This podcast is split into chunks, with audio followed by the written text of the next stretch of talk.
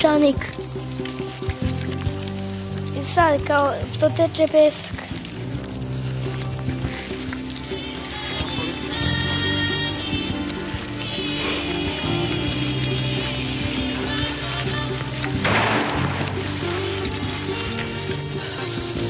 On je čovjek dosadan. Susu. On je čovjek dosadan čovjek. On je uvijek bio dosadan. Peščanik.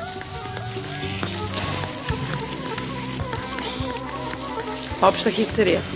Beda, ljudska beda, ne samo ekonomska, nego i neka, ono, intimna, lična. Daj bilo šta. Daj, samo da se ušti nešto. Daj da bude moje. Nama je žao. Peščanik. Nije bilo dovoljno snage da kaže Ajme susu. Meni je žao. Redka je generacija koja je dobila takvu šansu kao ova. To je tragična politička generacija. Ni štetu nisu napravili veliku.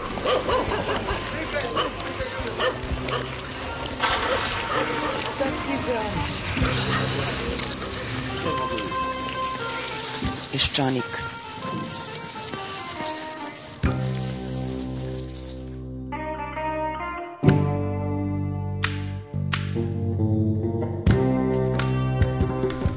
Ću reći samo jednom. Dobar dan. Ne smem ništa više da kažem da ne uznemirim birače.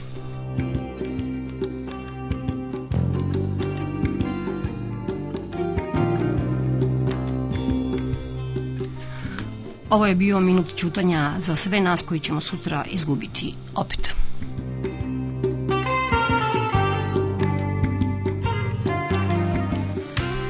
Tokom ove predizborne kampanje kandidati su između dva zalogaja pogače i soli često izgovarali reč Evropa, kao Evropo, evo nas, stiže tvoj lider na Balkanu, spremi se, spremi traku za preticanje, vraćaju ti se ponosno branioci tvojih hrišćanskih granica.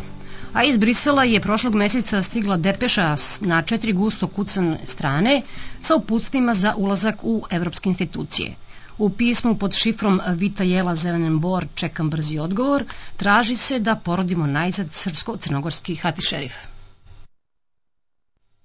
Sa naše strane e, sve u redu i predsednik i premijer su za Evropu, a većina građana je više nego spremna da poštom primi člansku kartu Evropske unije i nešto milijardi evra. Istraživanja naime pokazuju da tri četvrtine građana naše zemlje podržava ulazak u Evropsku uniju, ali i ti isti ispitanici na pitanje šta misle o narodima koji su već u toj Evropi kažu uglavnom da su odvratni i oni i sve njihove institucije. Pre neki dan u novinama čitam da je neki predstavnik Evropske unije po školama, prvacima, đacima delio bukvar, pa da se zove Moja kuća Evropa, a na naslovnoj strani te iste novine je fotografija sa šabačkog vašara na kome po zidu smrti plave boje sa žutim EU zvezdicama vozi crni auto na kome piše taksi za groblje. A pre neki dan su u lepotici sveta, ona, onoj ruskoj policajki, odiz, oduzeli titul lepotice jer kažu nije ispunjavala obaveze koje je prihvatila kada su joj stavili krunu na glavu. Možda je majici Rusiji dovoljno da je najlepša, ali ovim biznismenima koji trguju lepotom nije.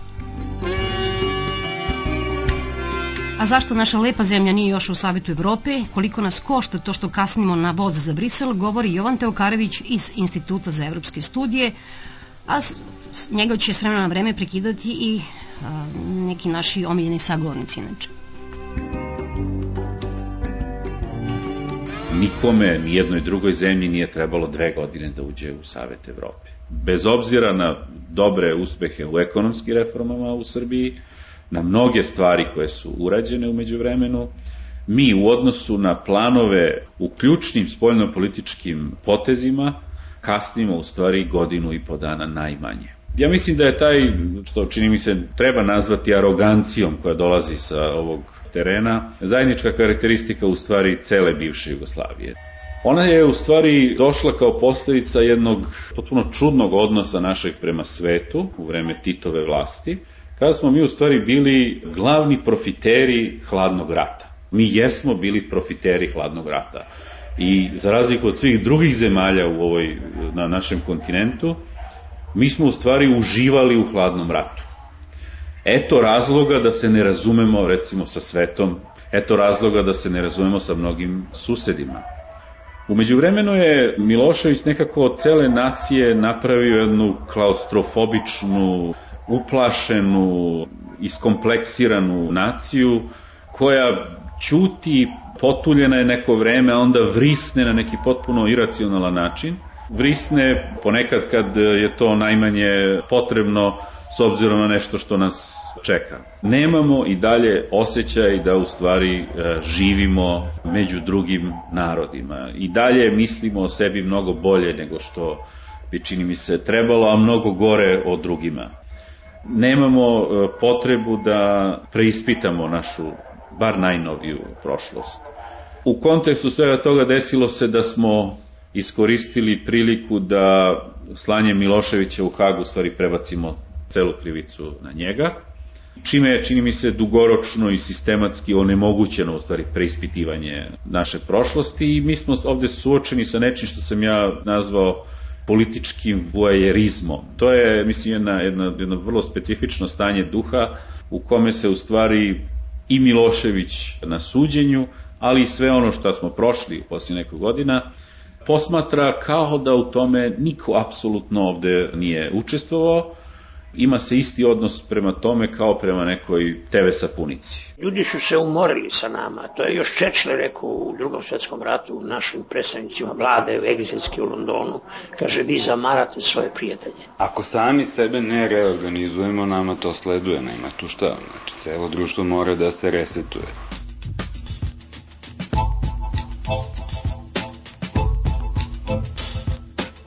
Skoro sam organizovao letnju školu evropskih studija sa učesnicima iz svih bivših postkomunističkih zemalja evropskih. I tu sam na moje veliko razočarenje, iznenađenje video u stvari žig slobin na našim studentima i mladim naučnim radnicima, ta zatvorenost, opsednuto sobom, to je čini mi se nešto što je odlikovalo kako te ljude tako i čini se odlikuje nekako i naše društvo u celini. Stalno imamo utisak da smo mi toliko specifični, neuporedivi, da jednostavno nikakva pravila valjda iz toga proizilazi koja važe za druge, ne važe za nas. U tom periodu postkomunističkom u svetu nema više biranja u stvari velikog između režima političkog ili ekonomskog, između spoljno-političke orijentacije, izbor alternativa je veoma sužen. Treba na kraju krajeva gledati i države koje su slične nama. Manja je danas razlika između Rumunije i Bugarske i Srednje Evrope nego što je između njih i nas. To je činjenica koja nas treba duboko da, da zabrine, da nas opomene, Uzmite moj omiljeni primer, kod nas u Srpskoj saveznoj vladi radi ukupno 15 ljudi koji se bave evropskom integracijom, u Bugarskoj radi preko 600 ljudi, dvadesetak ljudi samo u parlamentu radi, dakle da omogući tačne inform i brze informacije e, poslanicima, da ih upućuje kako to oni treba da se ponašaju, ako već zemlja se reši da, jel da se pridruži Evropskoj uniji kopenhagenški uslovi koji definišu šta treba zemlja da ispuni da bi bila članica Evropske unije su, to mnogi ne znaju, ukupno tri rečenice teksta.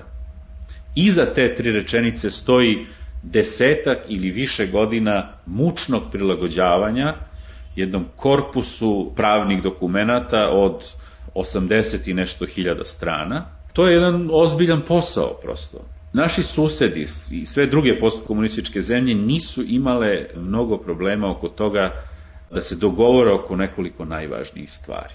Mnogi kod nas optužuju te nacije da je to zato što su menjale gospodare, što su, ne znam, posle Turaka ili Austrugara imale Ruse, pa im je vrlo lako bilo da onda imaju Amerikance ili, ne znam, Evropljane, Mislim da ipak reč o nekoj vrsti ozbiljnosti nacija koje imaju potrebu i narošto sposobnost da se čak i kad nisu egzistencijalno ugroženi, dakle kad nisu suočeni sa recimo oružanim sukobom, da se uzmu u pamet i da se skoncentrišu na nekoliko važnih stvari. Pa ljudi Božje, o čemu mi pričamo? Novi svetski poredak, pa nek poredaju stvari, ja ponovo ponavljam. Nek poredaju stvari da rata ne bude da se ne može pojaviti neki zlikovac pa proglasi se za cara i kralja. Nek oni uspostave one osnovne stvari da se može normalno raditi.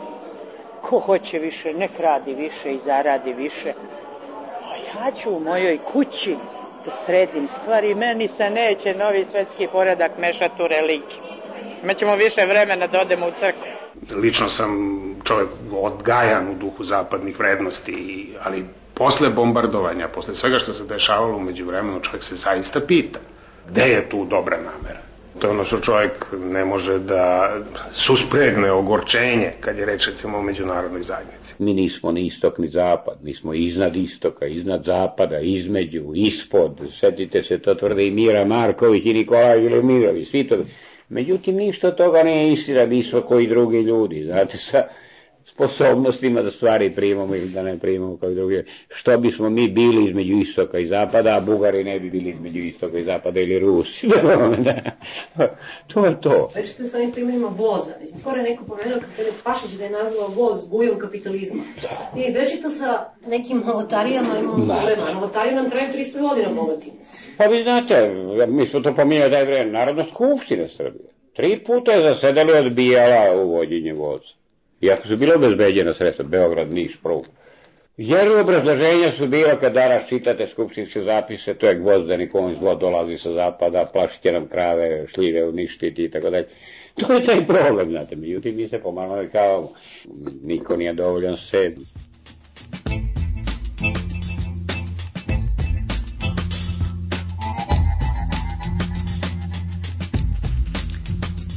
Rekli smo već da istraživanje pokazuju da skoro svi Srbi i Crnogorci hoće u Evropsku uniju, ali tako je bilo svojevremeno i sa Česima, Poljacima i Slovencima.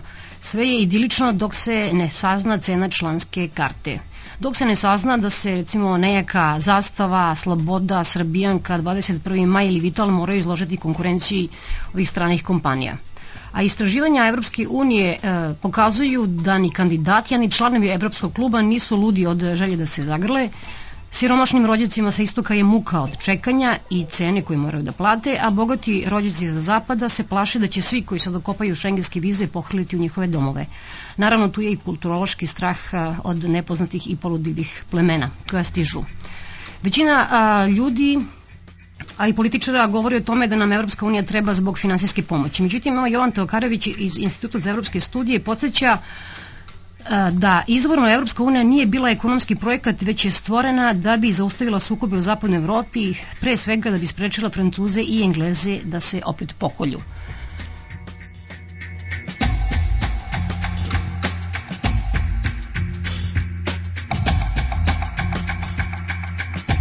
Ulazeći u Evropsku uniju, mi imamo šansu da praktično sukobe koje očigledno nismo u stanju sami da rešimo, da ih nekako rešimo u tom širem okviru. Predsednik Evropske komisije Romano Prodi je dobro definisao Evropu ovde baš pre dve godine kad je bio, citirajući nekog pripadnika mađarske nacionalne manjine iz Rumunije. Taj čovjek je rekao, meni se sviđa ideja, koncepcija Evropske unije zato što su tu svi manjina. E, to je, čini mi se, nešto što je važno, da nekako u tom konglomeratu manjina, ali jednom organizovanom, ustrojenom, da mi iz te pomerene perspektive probamo da rešimo probleme koje očigledno u ovom veku ili bar u poslednjih 50 godina, uključujući drugi svetski rat, nismo bili u stanju da rešimo. Ako primenimo taj recept Evropske unije, dakle da se ceo region Balkana, na primjer, pretvori u neku mini Evropsku uniju, možda ćemo eto rešiti, na primjer, problem Kosova na taj način. On je očigledno nerešiv, apsolutno sa postojećih stanovišta, kako Srba, tako i Albanaca. Ja se prosto pribojavam vremena, to će se desiti za otprilike godinu dana, kada mi više nećemo moći da izbegavamo, to su Srbi radili stalno, nećemo više moći da izbegavamo da se bavimo pitanjem statusa Kosova. Ali ako ga prethodno nekako postavimo u ovaj drugi kontekst neke saradnje na, na svim nivoima, ekonomske, političke, kulturne, ako se granice tako otvore na Balkanu, onda je stvarno moguća ta vizija, ona nije tako u stvari neostvariva, eto pogledajte Evropu, krenite iz jedne zemlje u drugu između Evropske unije i pogledajte samo napuštena carinska mesta, mislim, nema boljeg simbola, ja mislim, od toga. Mislim da bi tu nešto trebalo tako kopirati Evropsku uniju. Najzad, e, mi smo na neki način prirodni saveznici Evropske unije i u lošem i u dobrom smislu. Mi smo za njih bezbednostna pretnja. Prema tome nešto sa čime oni moraju da se suoče, da se bave nama, Očigledno je, sad više nema dileme ni kod njih, da će se to ispraviti tako što ćemo naše područje učiniti delom te šire Evrope. Oni nemaju ništa protiv toga. Stvar je oko toga da se nagodimo oko dinamike. Dinamiku utvrđujemo mi. Dakle, nije tačno, svakog dana možemo da čitamo u novinama da je na nekom famoznom tajnom sastanku sa svećama ili bez njih utvrđen tačan dan, datum i minut e, kada treba Bugarska, kada treba Bosna, kada treba Srbija da uđe u Europsku uniju i da mi tu u stvari ništa ne možemo da radimo i da je to jedna predodređenost. Stvar je potpuno suprotna. U stvari sve to zavisi od nas. Postindustrijsko društvo ne može više obećati istinu i pravdu. To su danas tek velike priče, dakle jezičke igre. Svako pozivanje na istinu i pravdu je anahrono i nije u modi. Važno je pretvarati se, biti blag, tolerantan, sladak, mio, a nikako se ne smije biti ukočen, autoritaran i ozbiljan. Na taj način se danas u svetu ne može ništa postići. I rešavanje problema zapravo pripada jednom prošlom svetu, jednom starom svetu. Ne mir, već simulacija mira je nešto što je osvojeno, to je dosta, to je rešeno. Ali vidiš, zašto sam ja otišao, ja sam vidio otišli baš neradnici, baš neki nesnalažljivi ljudi, onako i krkljavi, bolešljivi. Prošlo godinu dana ja velim na njemu boljitak i kupio nešto i počeo gradi nešto i, i on se malo opročistio, malo tako on se širče, nosi tranzistor. Ma kad on pička matina, ja sam za njega malo jači, mislim. I onda sam vidio da to stvarno plaćaju rad ne te prevari, niko, niko me tamo za ništa nije prevario, baš niko. Kad sam se snašao i kad sam malo poživeo i kad sam imao auto i, a sad baš auto, no, sabro. I ono, i ništa, i kad odeš na pumpu i mene obriše šoper šajbu i mene proveri ulje, antipriz, gumu do pumpa, isto koji onim što vozi Mercedes i BMW sam to vidio da je to to.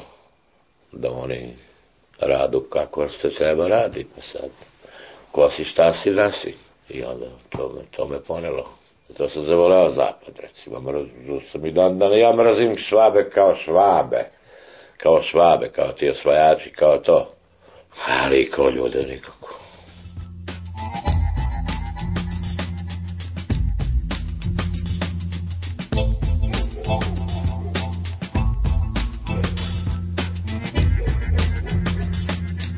To znači konkretno da bi moglo da se desi da nakon što Rumunija i Bugarska gotovo sigurno budu pozvane u NATO u novembru ove godine, da Hrvatska bude pozvana na istu adresu 3-4 godine kasnije, otprilike u vreme kada će biti pozvana i, i u Evropsku uniju. Dakle, imaćemo veliki problem, jer ćemo onda imati šengensku granicu ne samo sa jedne strane, 2004. sa strane Mađarske, nego ćemo je imati još sa jedne strane. Oni koji su na višem stepenu će imati i odgovarajuće fondove za razvoj, za usaglašavanje svojih privreda sa Evropskom unijom. Mislim da bi naš strateški zadatak trebalo da bude da nekako uđemo u budžet Evropske unije od 2007. do 2012. Oni tako prave budžete. Dakle, ove su sadašnji kandidati za članstvo, oni su uspeli radom prethodnih godina da sebe uguraju u budžet koji važi do 2006. godine.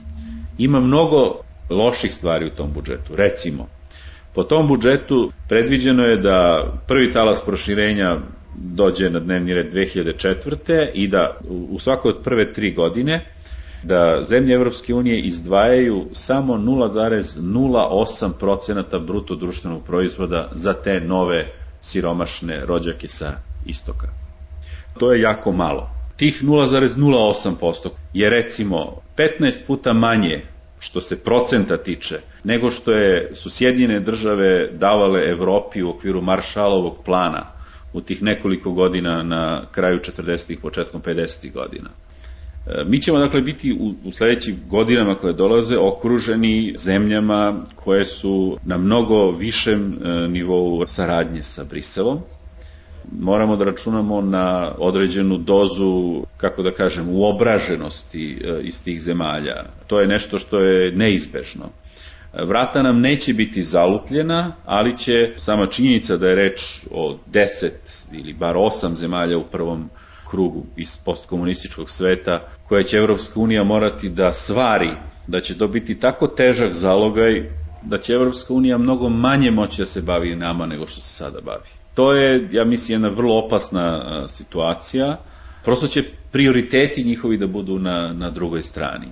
To su, čini mi se, stvari o kojima moramo voditi računa i imati u, u vidu da ako uspostavimo neke osnove reformi, nekih velikih grešaka u stvari na tom putu nema posle. Mi smo kulturna kolonija Amerike. A vi mislite da jedna kultura dolazi sa metro? Ne. Ona ide sa stotim deo milimetra, pa polako, pa polako, dok ovlada. To je izgledalo smiješno kad smo počeli da žvaćemo gumu za žvakanje. A to je čija proturila uticaj zapada na našu kulturu. Pjesma, to se čini, Beatles i sve drugo što je bilo. Za Kaćušu bi tu acili pet puta, ništa do sa zapada. Najmodernije je da neko uči engleski jezik. Da pošalje majka da uči čerka ruski, ono bi se stiđela. Gdje taj ruski prostači nego? uči mi engleski, otišla na specijalizaciju u Ameriku i tako. I to je dalo ono što je htjelo i zavladalo.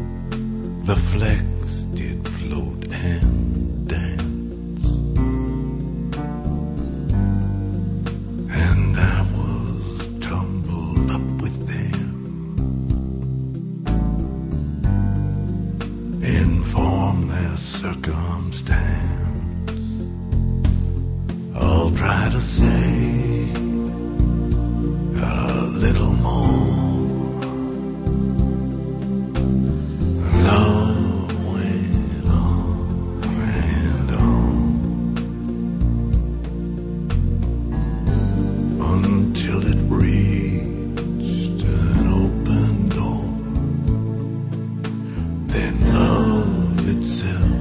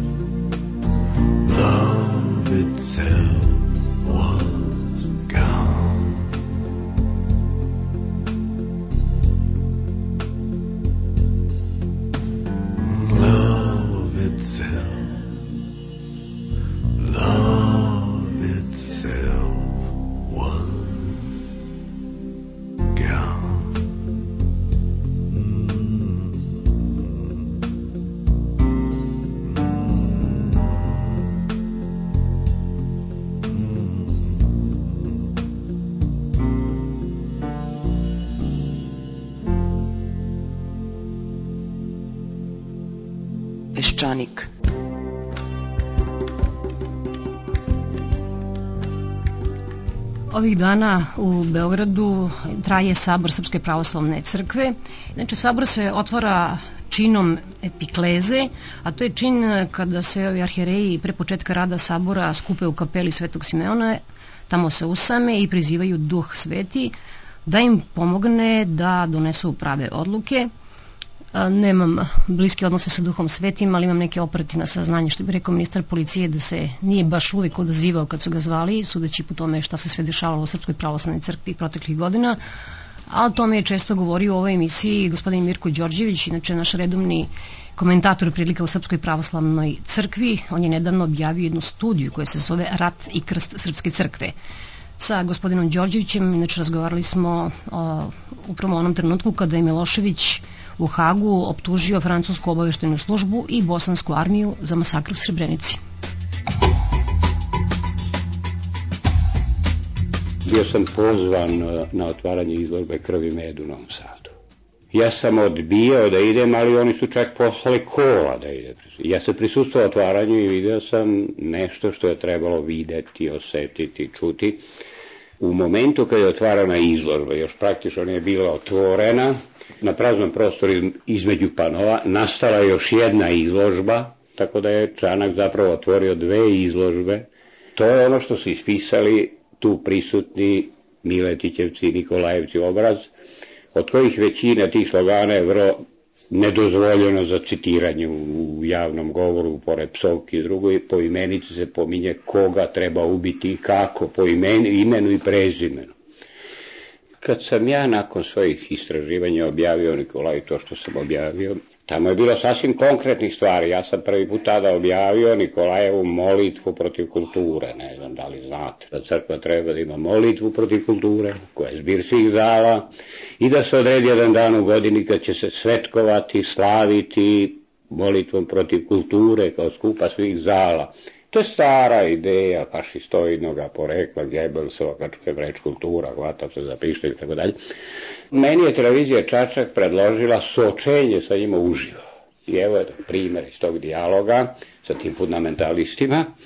Kad im iz Nikolajevog dela izdvojite dva, tri, peta, ima i dosta mesta sa antisemitskim nabojem, primjera radi jevreji su stoka koju treba klati i tako dalje i tako dalje, oni odgovaraju, pa šta hoćete, pa to je tačno.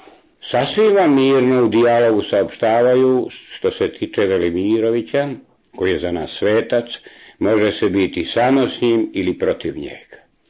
Kad im kažete da je to poslednje tvrdio Stalin, ne znam, za marksizam, sećate se, oni kaže pa bio u pravu. Ako Nikolaj u svojim spisima, ja neću danas opterećivati slušalce, ne znam kolikim citacijom tvrdi naš nacionalni, verski, socijalni, svaki drugi program je grob. Završen navod. Pa nadalje objašnjava. dokle ima naših grobova, to je naša zemlja, to je sve. Vrlo se lako prepoznaje o čemu se radi, zašto se ne bi o tome razmišljalo, dakle ta misa. Otac Justin Popović je u stvari u svojim besedama imamo tonski, Da. tako, praktično ponovio to. Odlično, odlično. Srbi neću monahe, Srbi krenuli za Evropom, za kulturom, za modom. Žene trče za parijskom modom i po varošima i po selima. Mladići, omladina, Srbi zreli, roditelji, činovnici, službenici, sve to se dalo na uživanja. Bioskopi pre svega i pozorišni za svega. Ovako je besedio otac Justin Popović u manastiru Ćelije 1996. godine. Deve- 966. 66.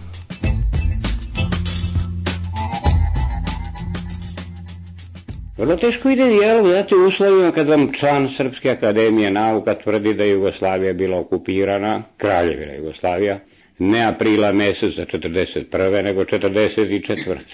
Kako ćete onda razgovarati?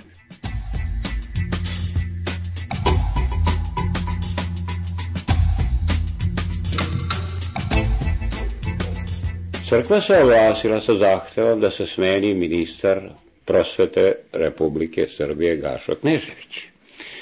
To je skandal svoje vrste. Povod je bio beznačajan u kampu dece i šta ja znam, pa se posle utvrdilo bilo nije, ništa strašno nije bilo, uobičajene deči postupci na ekskurzijama. Jako teške reči su bili potrebni, odnosno Simon je izdao ono saopštenje povodom događaja u kampu u Srepskoj Mitrovici. I toliko... Nedozvoljivo teške reči.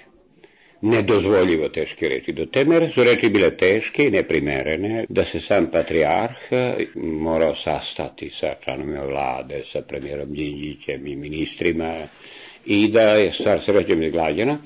Primere radi tamo je rečeno da je sadašnji ovaj režim, misli se na vladu premijera Đurića, jedna vrsta braka između postkomunističkog ateizma i zapadnog hedonizma. Prvo takvog braka, takvog saveza nema, a drugo crkva se boji da se priseti jednog drugog braka koji je njena jerarhija bila pre kratkog vremena pod Miloševićem u toku rata izbivanja sklopila sa strukturama moći i preko paravojnih i paracrkvenih organizacijama bila ne samo svedok, nego i saučesnik u tim zbivanjima.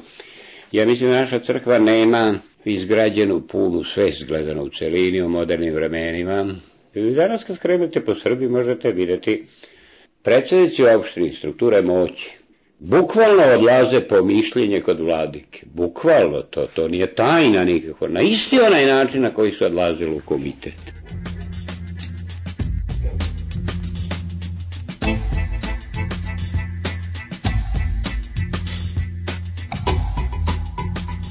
Pogledajte posljednji broj, zove se naša reč, to je glasilo ta častvenog pokreta obraz. Tamo u uvodniku doslovce piše, evo mogu vam citirati, Srbija danas treba da bude u svetu, da nađe svoje mesto sa istinski suverenim i nezavisnim državama kakve su Iran, Irak i Libija, završen navod.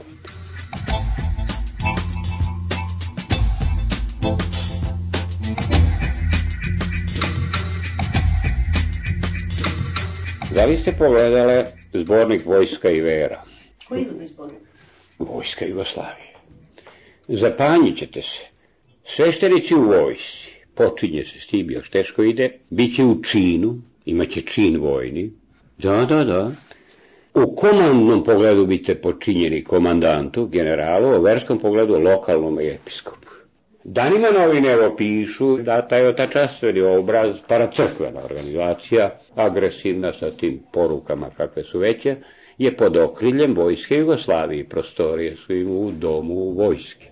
Pazite sad taj spoj.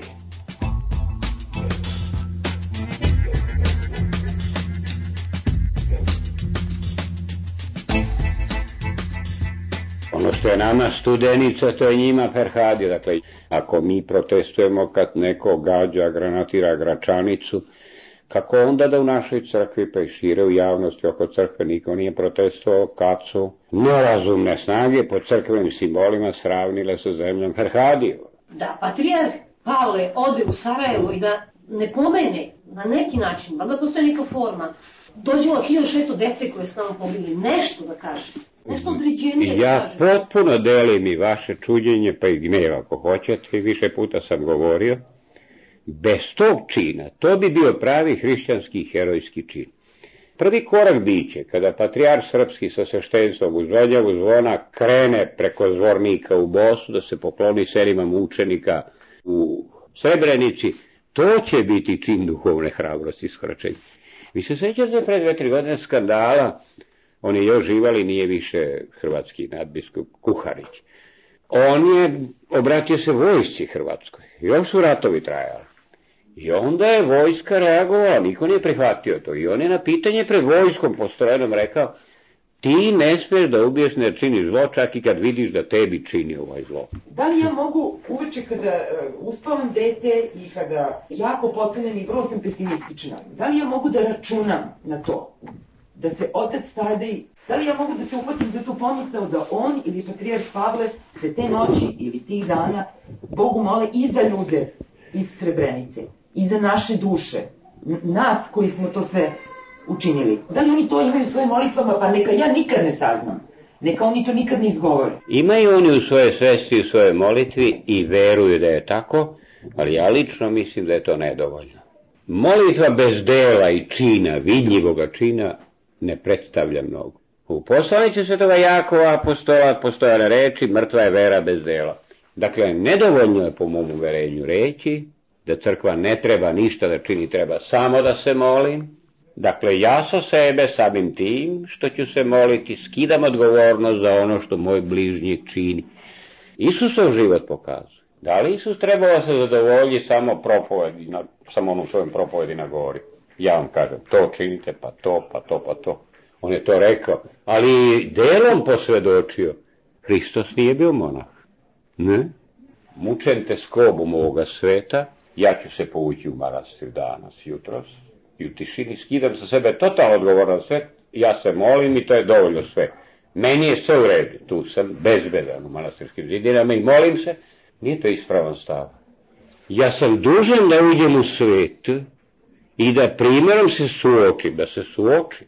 Može li svet čitav da postane manastir? Ne može. Jer ništa veće nema srpski narod od svetih monaha, svetog Save, svetog Petra Cetinskog, svetog Nikolaja Ukrinskog. A Srbi sada napustili taj svetosavski put, napustili monaški put, prazni manastiri srpski, a vi šaljete decu svoju po školama, po univerzitetima, dobro i to ponekad, ali pomisli na dušu svoju, na dušu njihovu. Ko će čuvati dušu srpskog naroda? Srbi, na što ste sveli svoju istoriju iz sebe? Srbi krenuli za kulturom, za civilizacijom evropskom, za modom evropskom. O, leševi srpski! Ma ja sam odgovoran za drugog. Ja sam odgovoran za drugog. Ja sam kriv za vašu krivicu i odgovoran za to. To važi za čoveka običnog, svakodnevnog, to važi za ono ko je general i on mora da pokaže, znate, tu svest nekako. U protivnom on može da kaže, pa šta? Ja sam se pomolio jutro i naredio sam granatiranje Sarajeva. Je poginulo 50 dece ujutro i 10 starica. Ne. Tu je problem u hrišćanstvu. Kuharić je stvarno to rekao u vojsci Hrvatskoj. Molim, Kuharić je to stvarno rekao. čuveni govor, da. Oni su ga pozvali da govori po strojenim rodovima Hrvatske vojske pod oružje. Ali on im je izrečito rekao, ja ne mogu drugo da vam kažem, nego ako vidiš da ti on ubija brata i sestru, moraš mu oprostiti. I ni on, nije to ništa... Kako su oni reagovali? Loše su reagovali.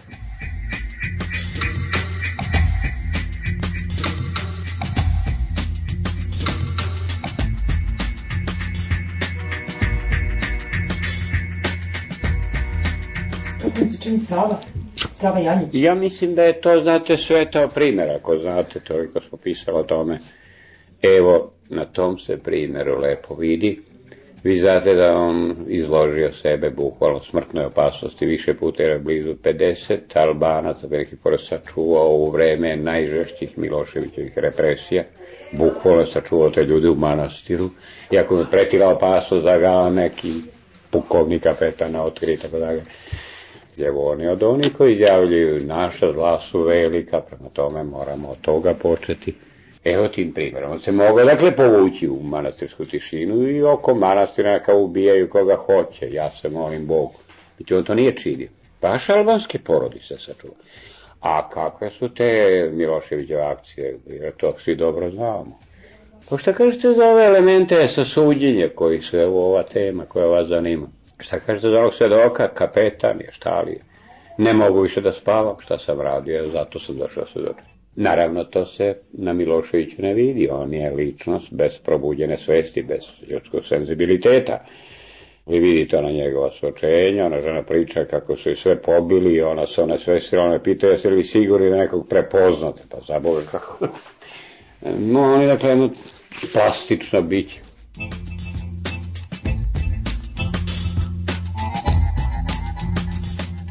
Za kraj šok za sistem Vedrana Rudan, književnica iz Rijeke.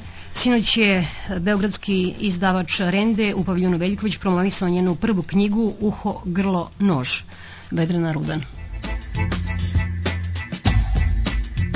Mi smo vaša budućnost i meni je jako drago što vi svi skupa ovdje živite u blaženom neznanju i što ne znate što vas čeka. Ali ako hoćete, ja ću ispričati vama ekskluzivno što čeka Srbiju za godinu dvije. Srbiju će svi oni koji je najviše vole, a to su lopovi koji su već Srbiju pokrali i stavili u džep. Dakle, ti lopovi vaši će postati samo šefovi rasprodaje. U Hrvatskoj su došli, u Hrvatskoj su došli Italijani, Englezi, Njemci, Francuzi, Austrijanci, Kinezi, Japanci.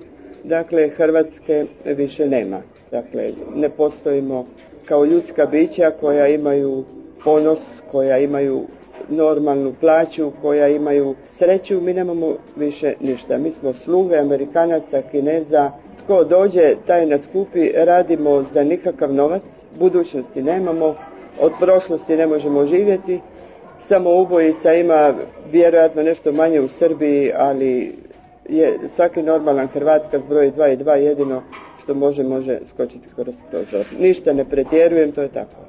I sad uskoro, da li će to biti za dva mjeseca, za dvije godine, Srbija će uploviti u takvu budućnost.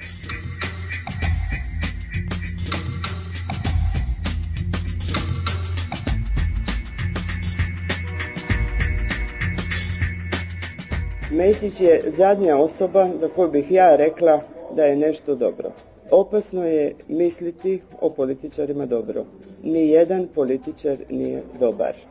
Mesić koji je Srbima pred 12 godina poručivao izađite iz Hrvatske i odnesite svoje blato na svojim opancima, da isti Mesić se danas nakon 12 godina bori za srpska prava i tvrdi kako su Srbi ljudi kao i svaki drugi. Ja osobno ne vjerujem Mesiću, ne samo njemu, nego ne vjerujem nikome.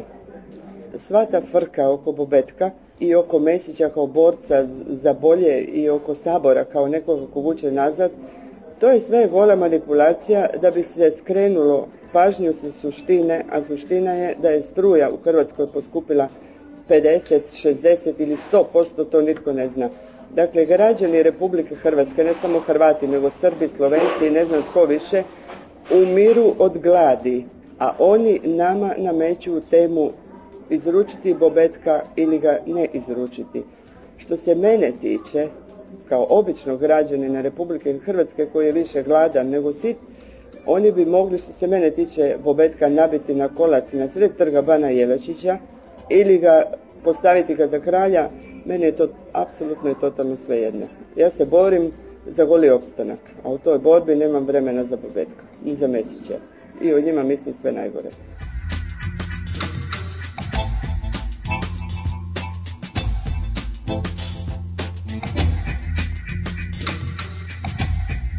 Čemu ta strast? Čemu ja ovo, ja ono, vi ste nebitni. Vama se dogodilo samo nešto što se nekim drugim ljudima u Vijetnamu, Kambođi, Tajlandu i ne znam gdje dešava cijeli život. Vama i meni se dogodio rat. Zločin, ako je blizu, može biti samo velik. Vi ste rekli stvarno veliki zločini. Ako zakoljete malu bebu, je to mali zločin. Šta je veliki zločin? 5000 malih beba. rat je normalno ljudsko ponašanje. Mir je perverzija. Dakle, i vama Srbima, ako ćemo tako razgovarati, i nama Hrvatima se dogodio rat. Nešto sasvim banalno, nešto sasvim normalno ljudski, ništa strašno. Dakle, dogodio se rat. U ratu se kolje. Dešavaju se zločini neveliki, normalni. Ako neko pokolje, ne znam, jedno selo, to je normalan zločin. I čemu sad te velike riječi? Nama se dogodio rat. Mi smo imali sreću da 50 godina nismo vidjeli rat. Sad smo ga vidjeli, to sve normalno. Sve će se te žrtve zaboraviti, krenut ćemo u, naravno u gore sutra i to je to. I, i smirite se malo. Mi smo normalni koljači, o tome govori moja knjiga, mi smo normalni silovatelji, mi smo normalne ubice, kao sav normalan svet. Svatko od nas će klat kad za to dođe vrijeme. Tako da se ja na vašem mjestu ne bi previše tim opterećivala. Nek mi Bog oprosti u koga ja duboko ne vjerujem.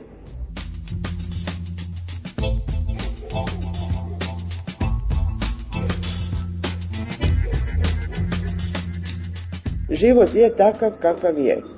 I ja, ja gledam na to ovako, pokušavam taj svoj mali život osmisliti tako da me uopće nije briga da li će isporučiti Bobetka ili neće, što je rekao Mesić ili nije rekao, da li će biti predsjednik Marko ili Janko, mene uopće ne zanima što će se sa Hrvatskom dogoditi. Za mene Hrvatska kao nešto što mi je bitno ne postoji. Imam svoj mali život, svoju djecu, svoga muža, svoju mačku i to je to. I ne dozvoljavam da me nitko skrene putanju. Sve ovo oko mene je nešto što me može samo uništiti. Prema tome ne razmišljam o tome, pokušavam opstati čitajući lijepe knjige, kupujući torbe u Beogradu, uživajući u lijepom danu i u saznanju da su svi ljudi iste svinje.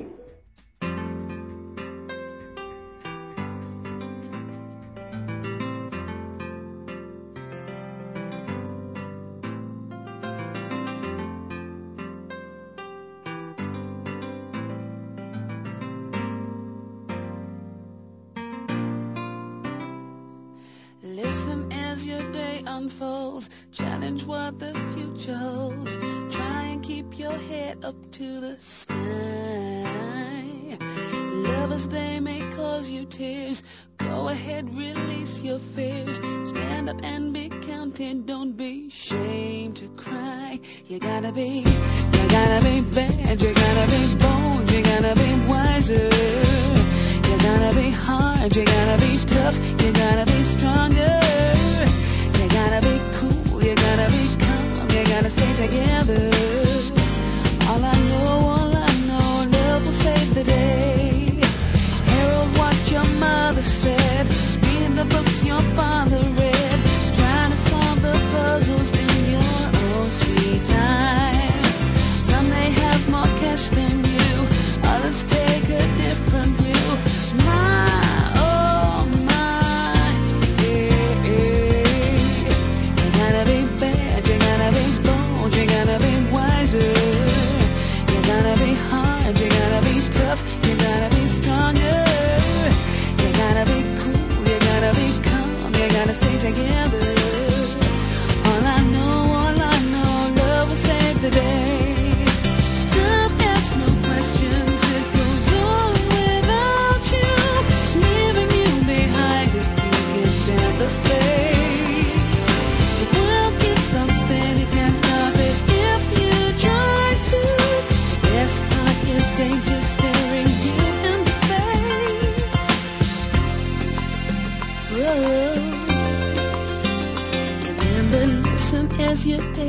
Challenge what the future holds. Try to keep your head up to the sky. Lovers, they may cause you tears. Go ahead, release your fears. My, oh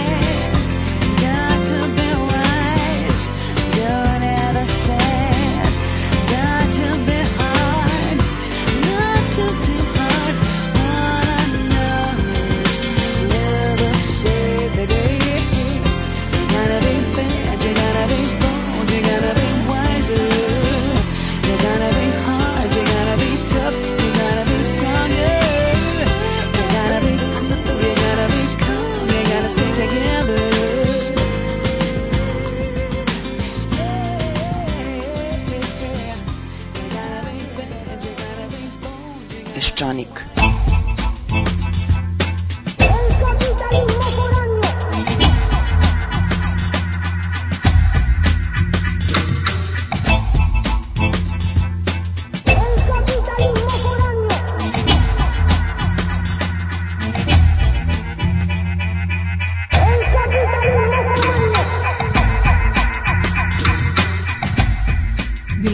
Peščanik govorili su Jovan Teokarević, Mirko Đorđević i Vedrana Rudan. Realizacija emisije Marko Perunović, montaža Ratko Ristić, emisiju pripremile Svetlana Vuković i Svetlana Lukić. Opraštamo se od vas još jednom nekadašnjim pozdravom ruskih disidenata za našu izgubljenu stvar. peščanik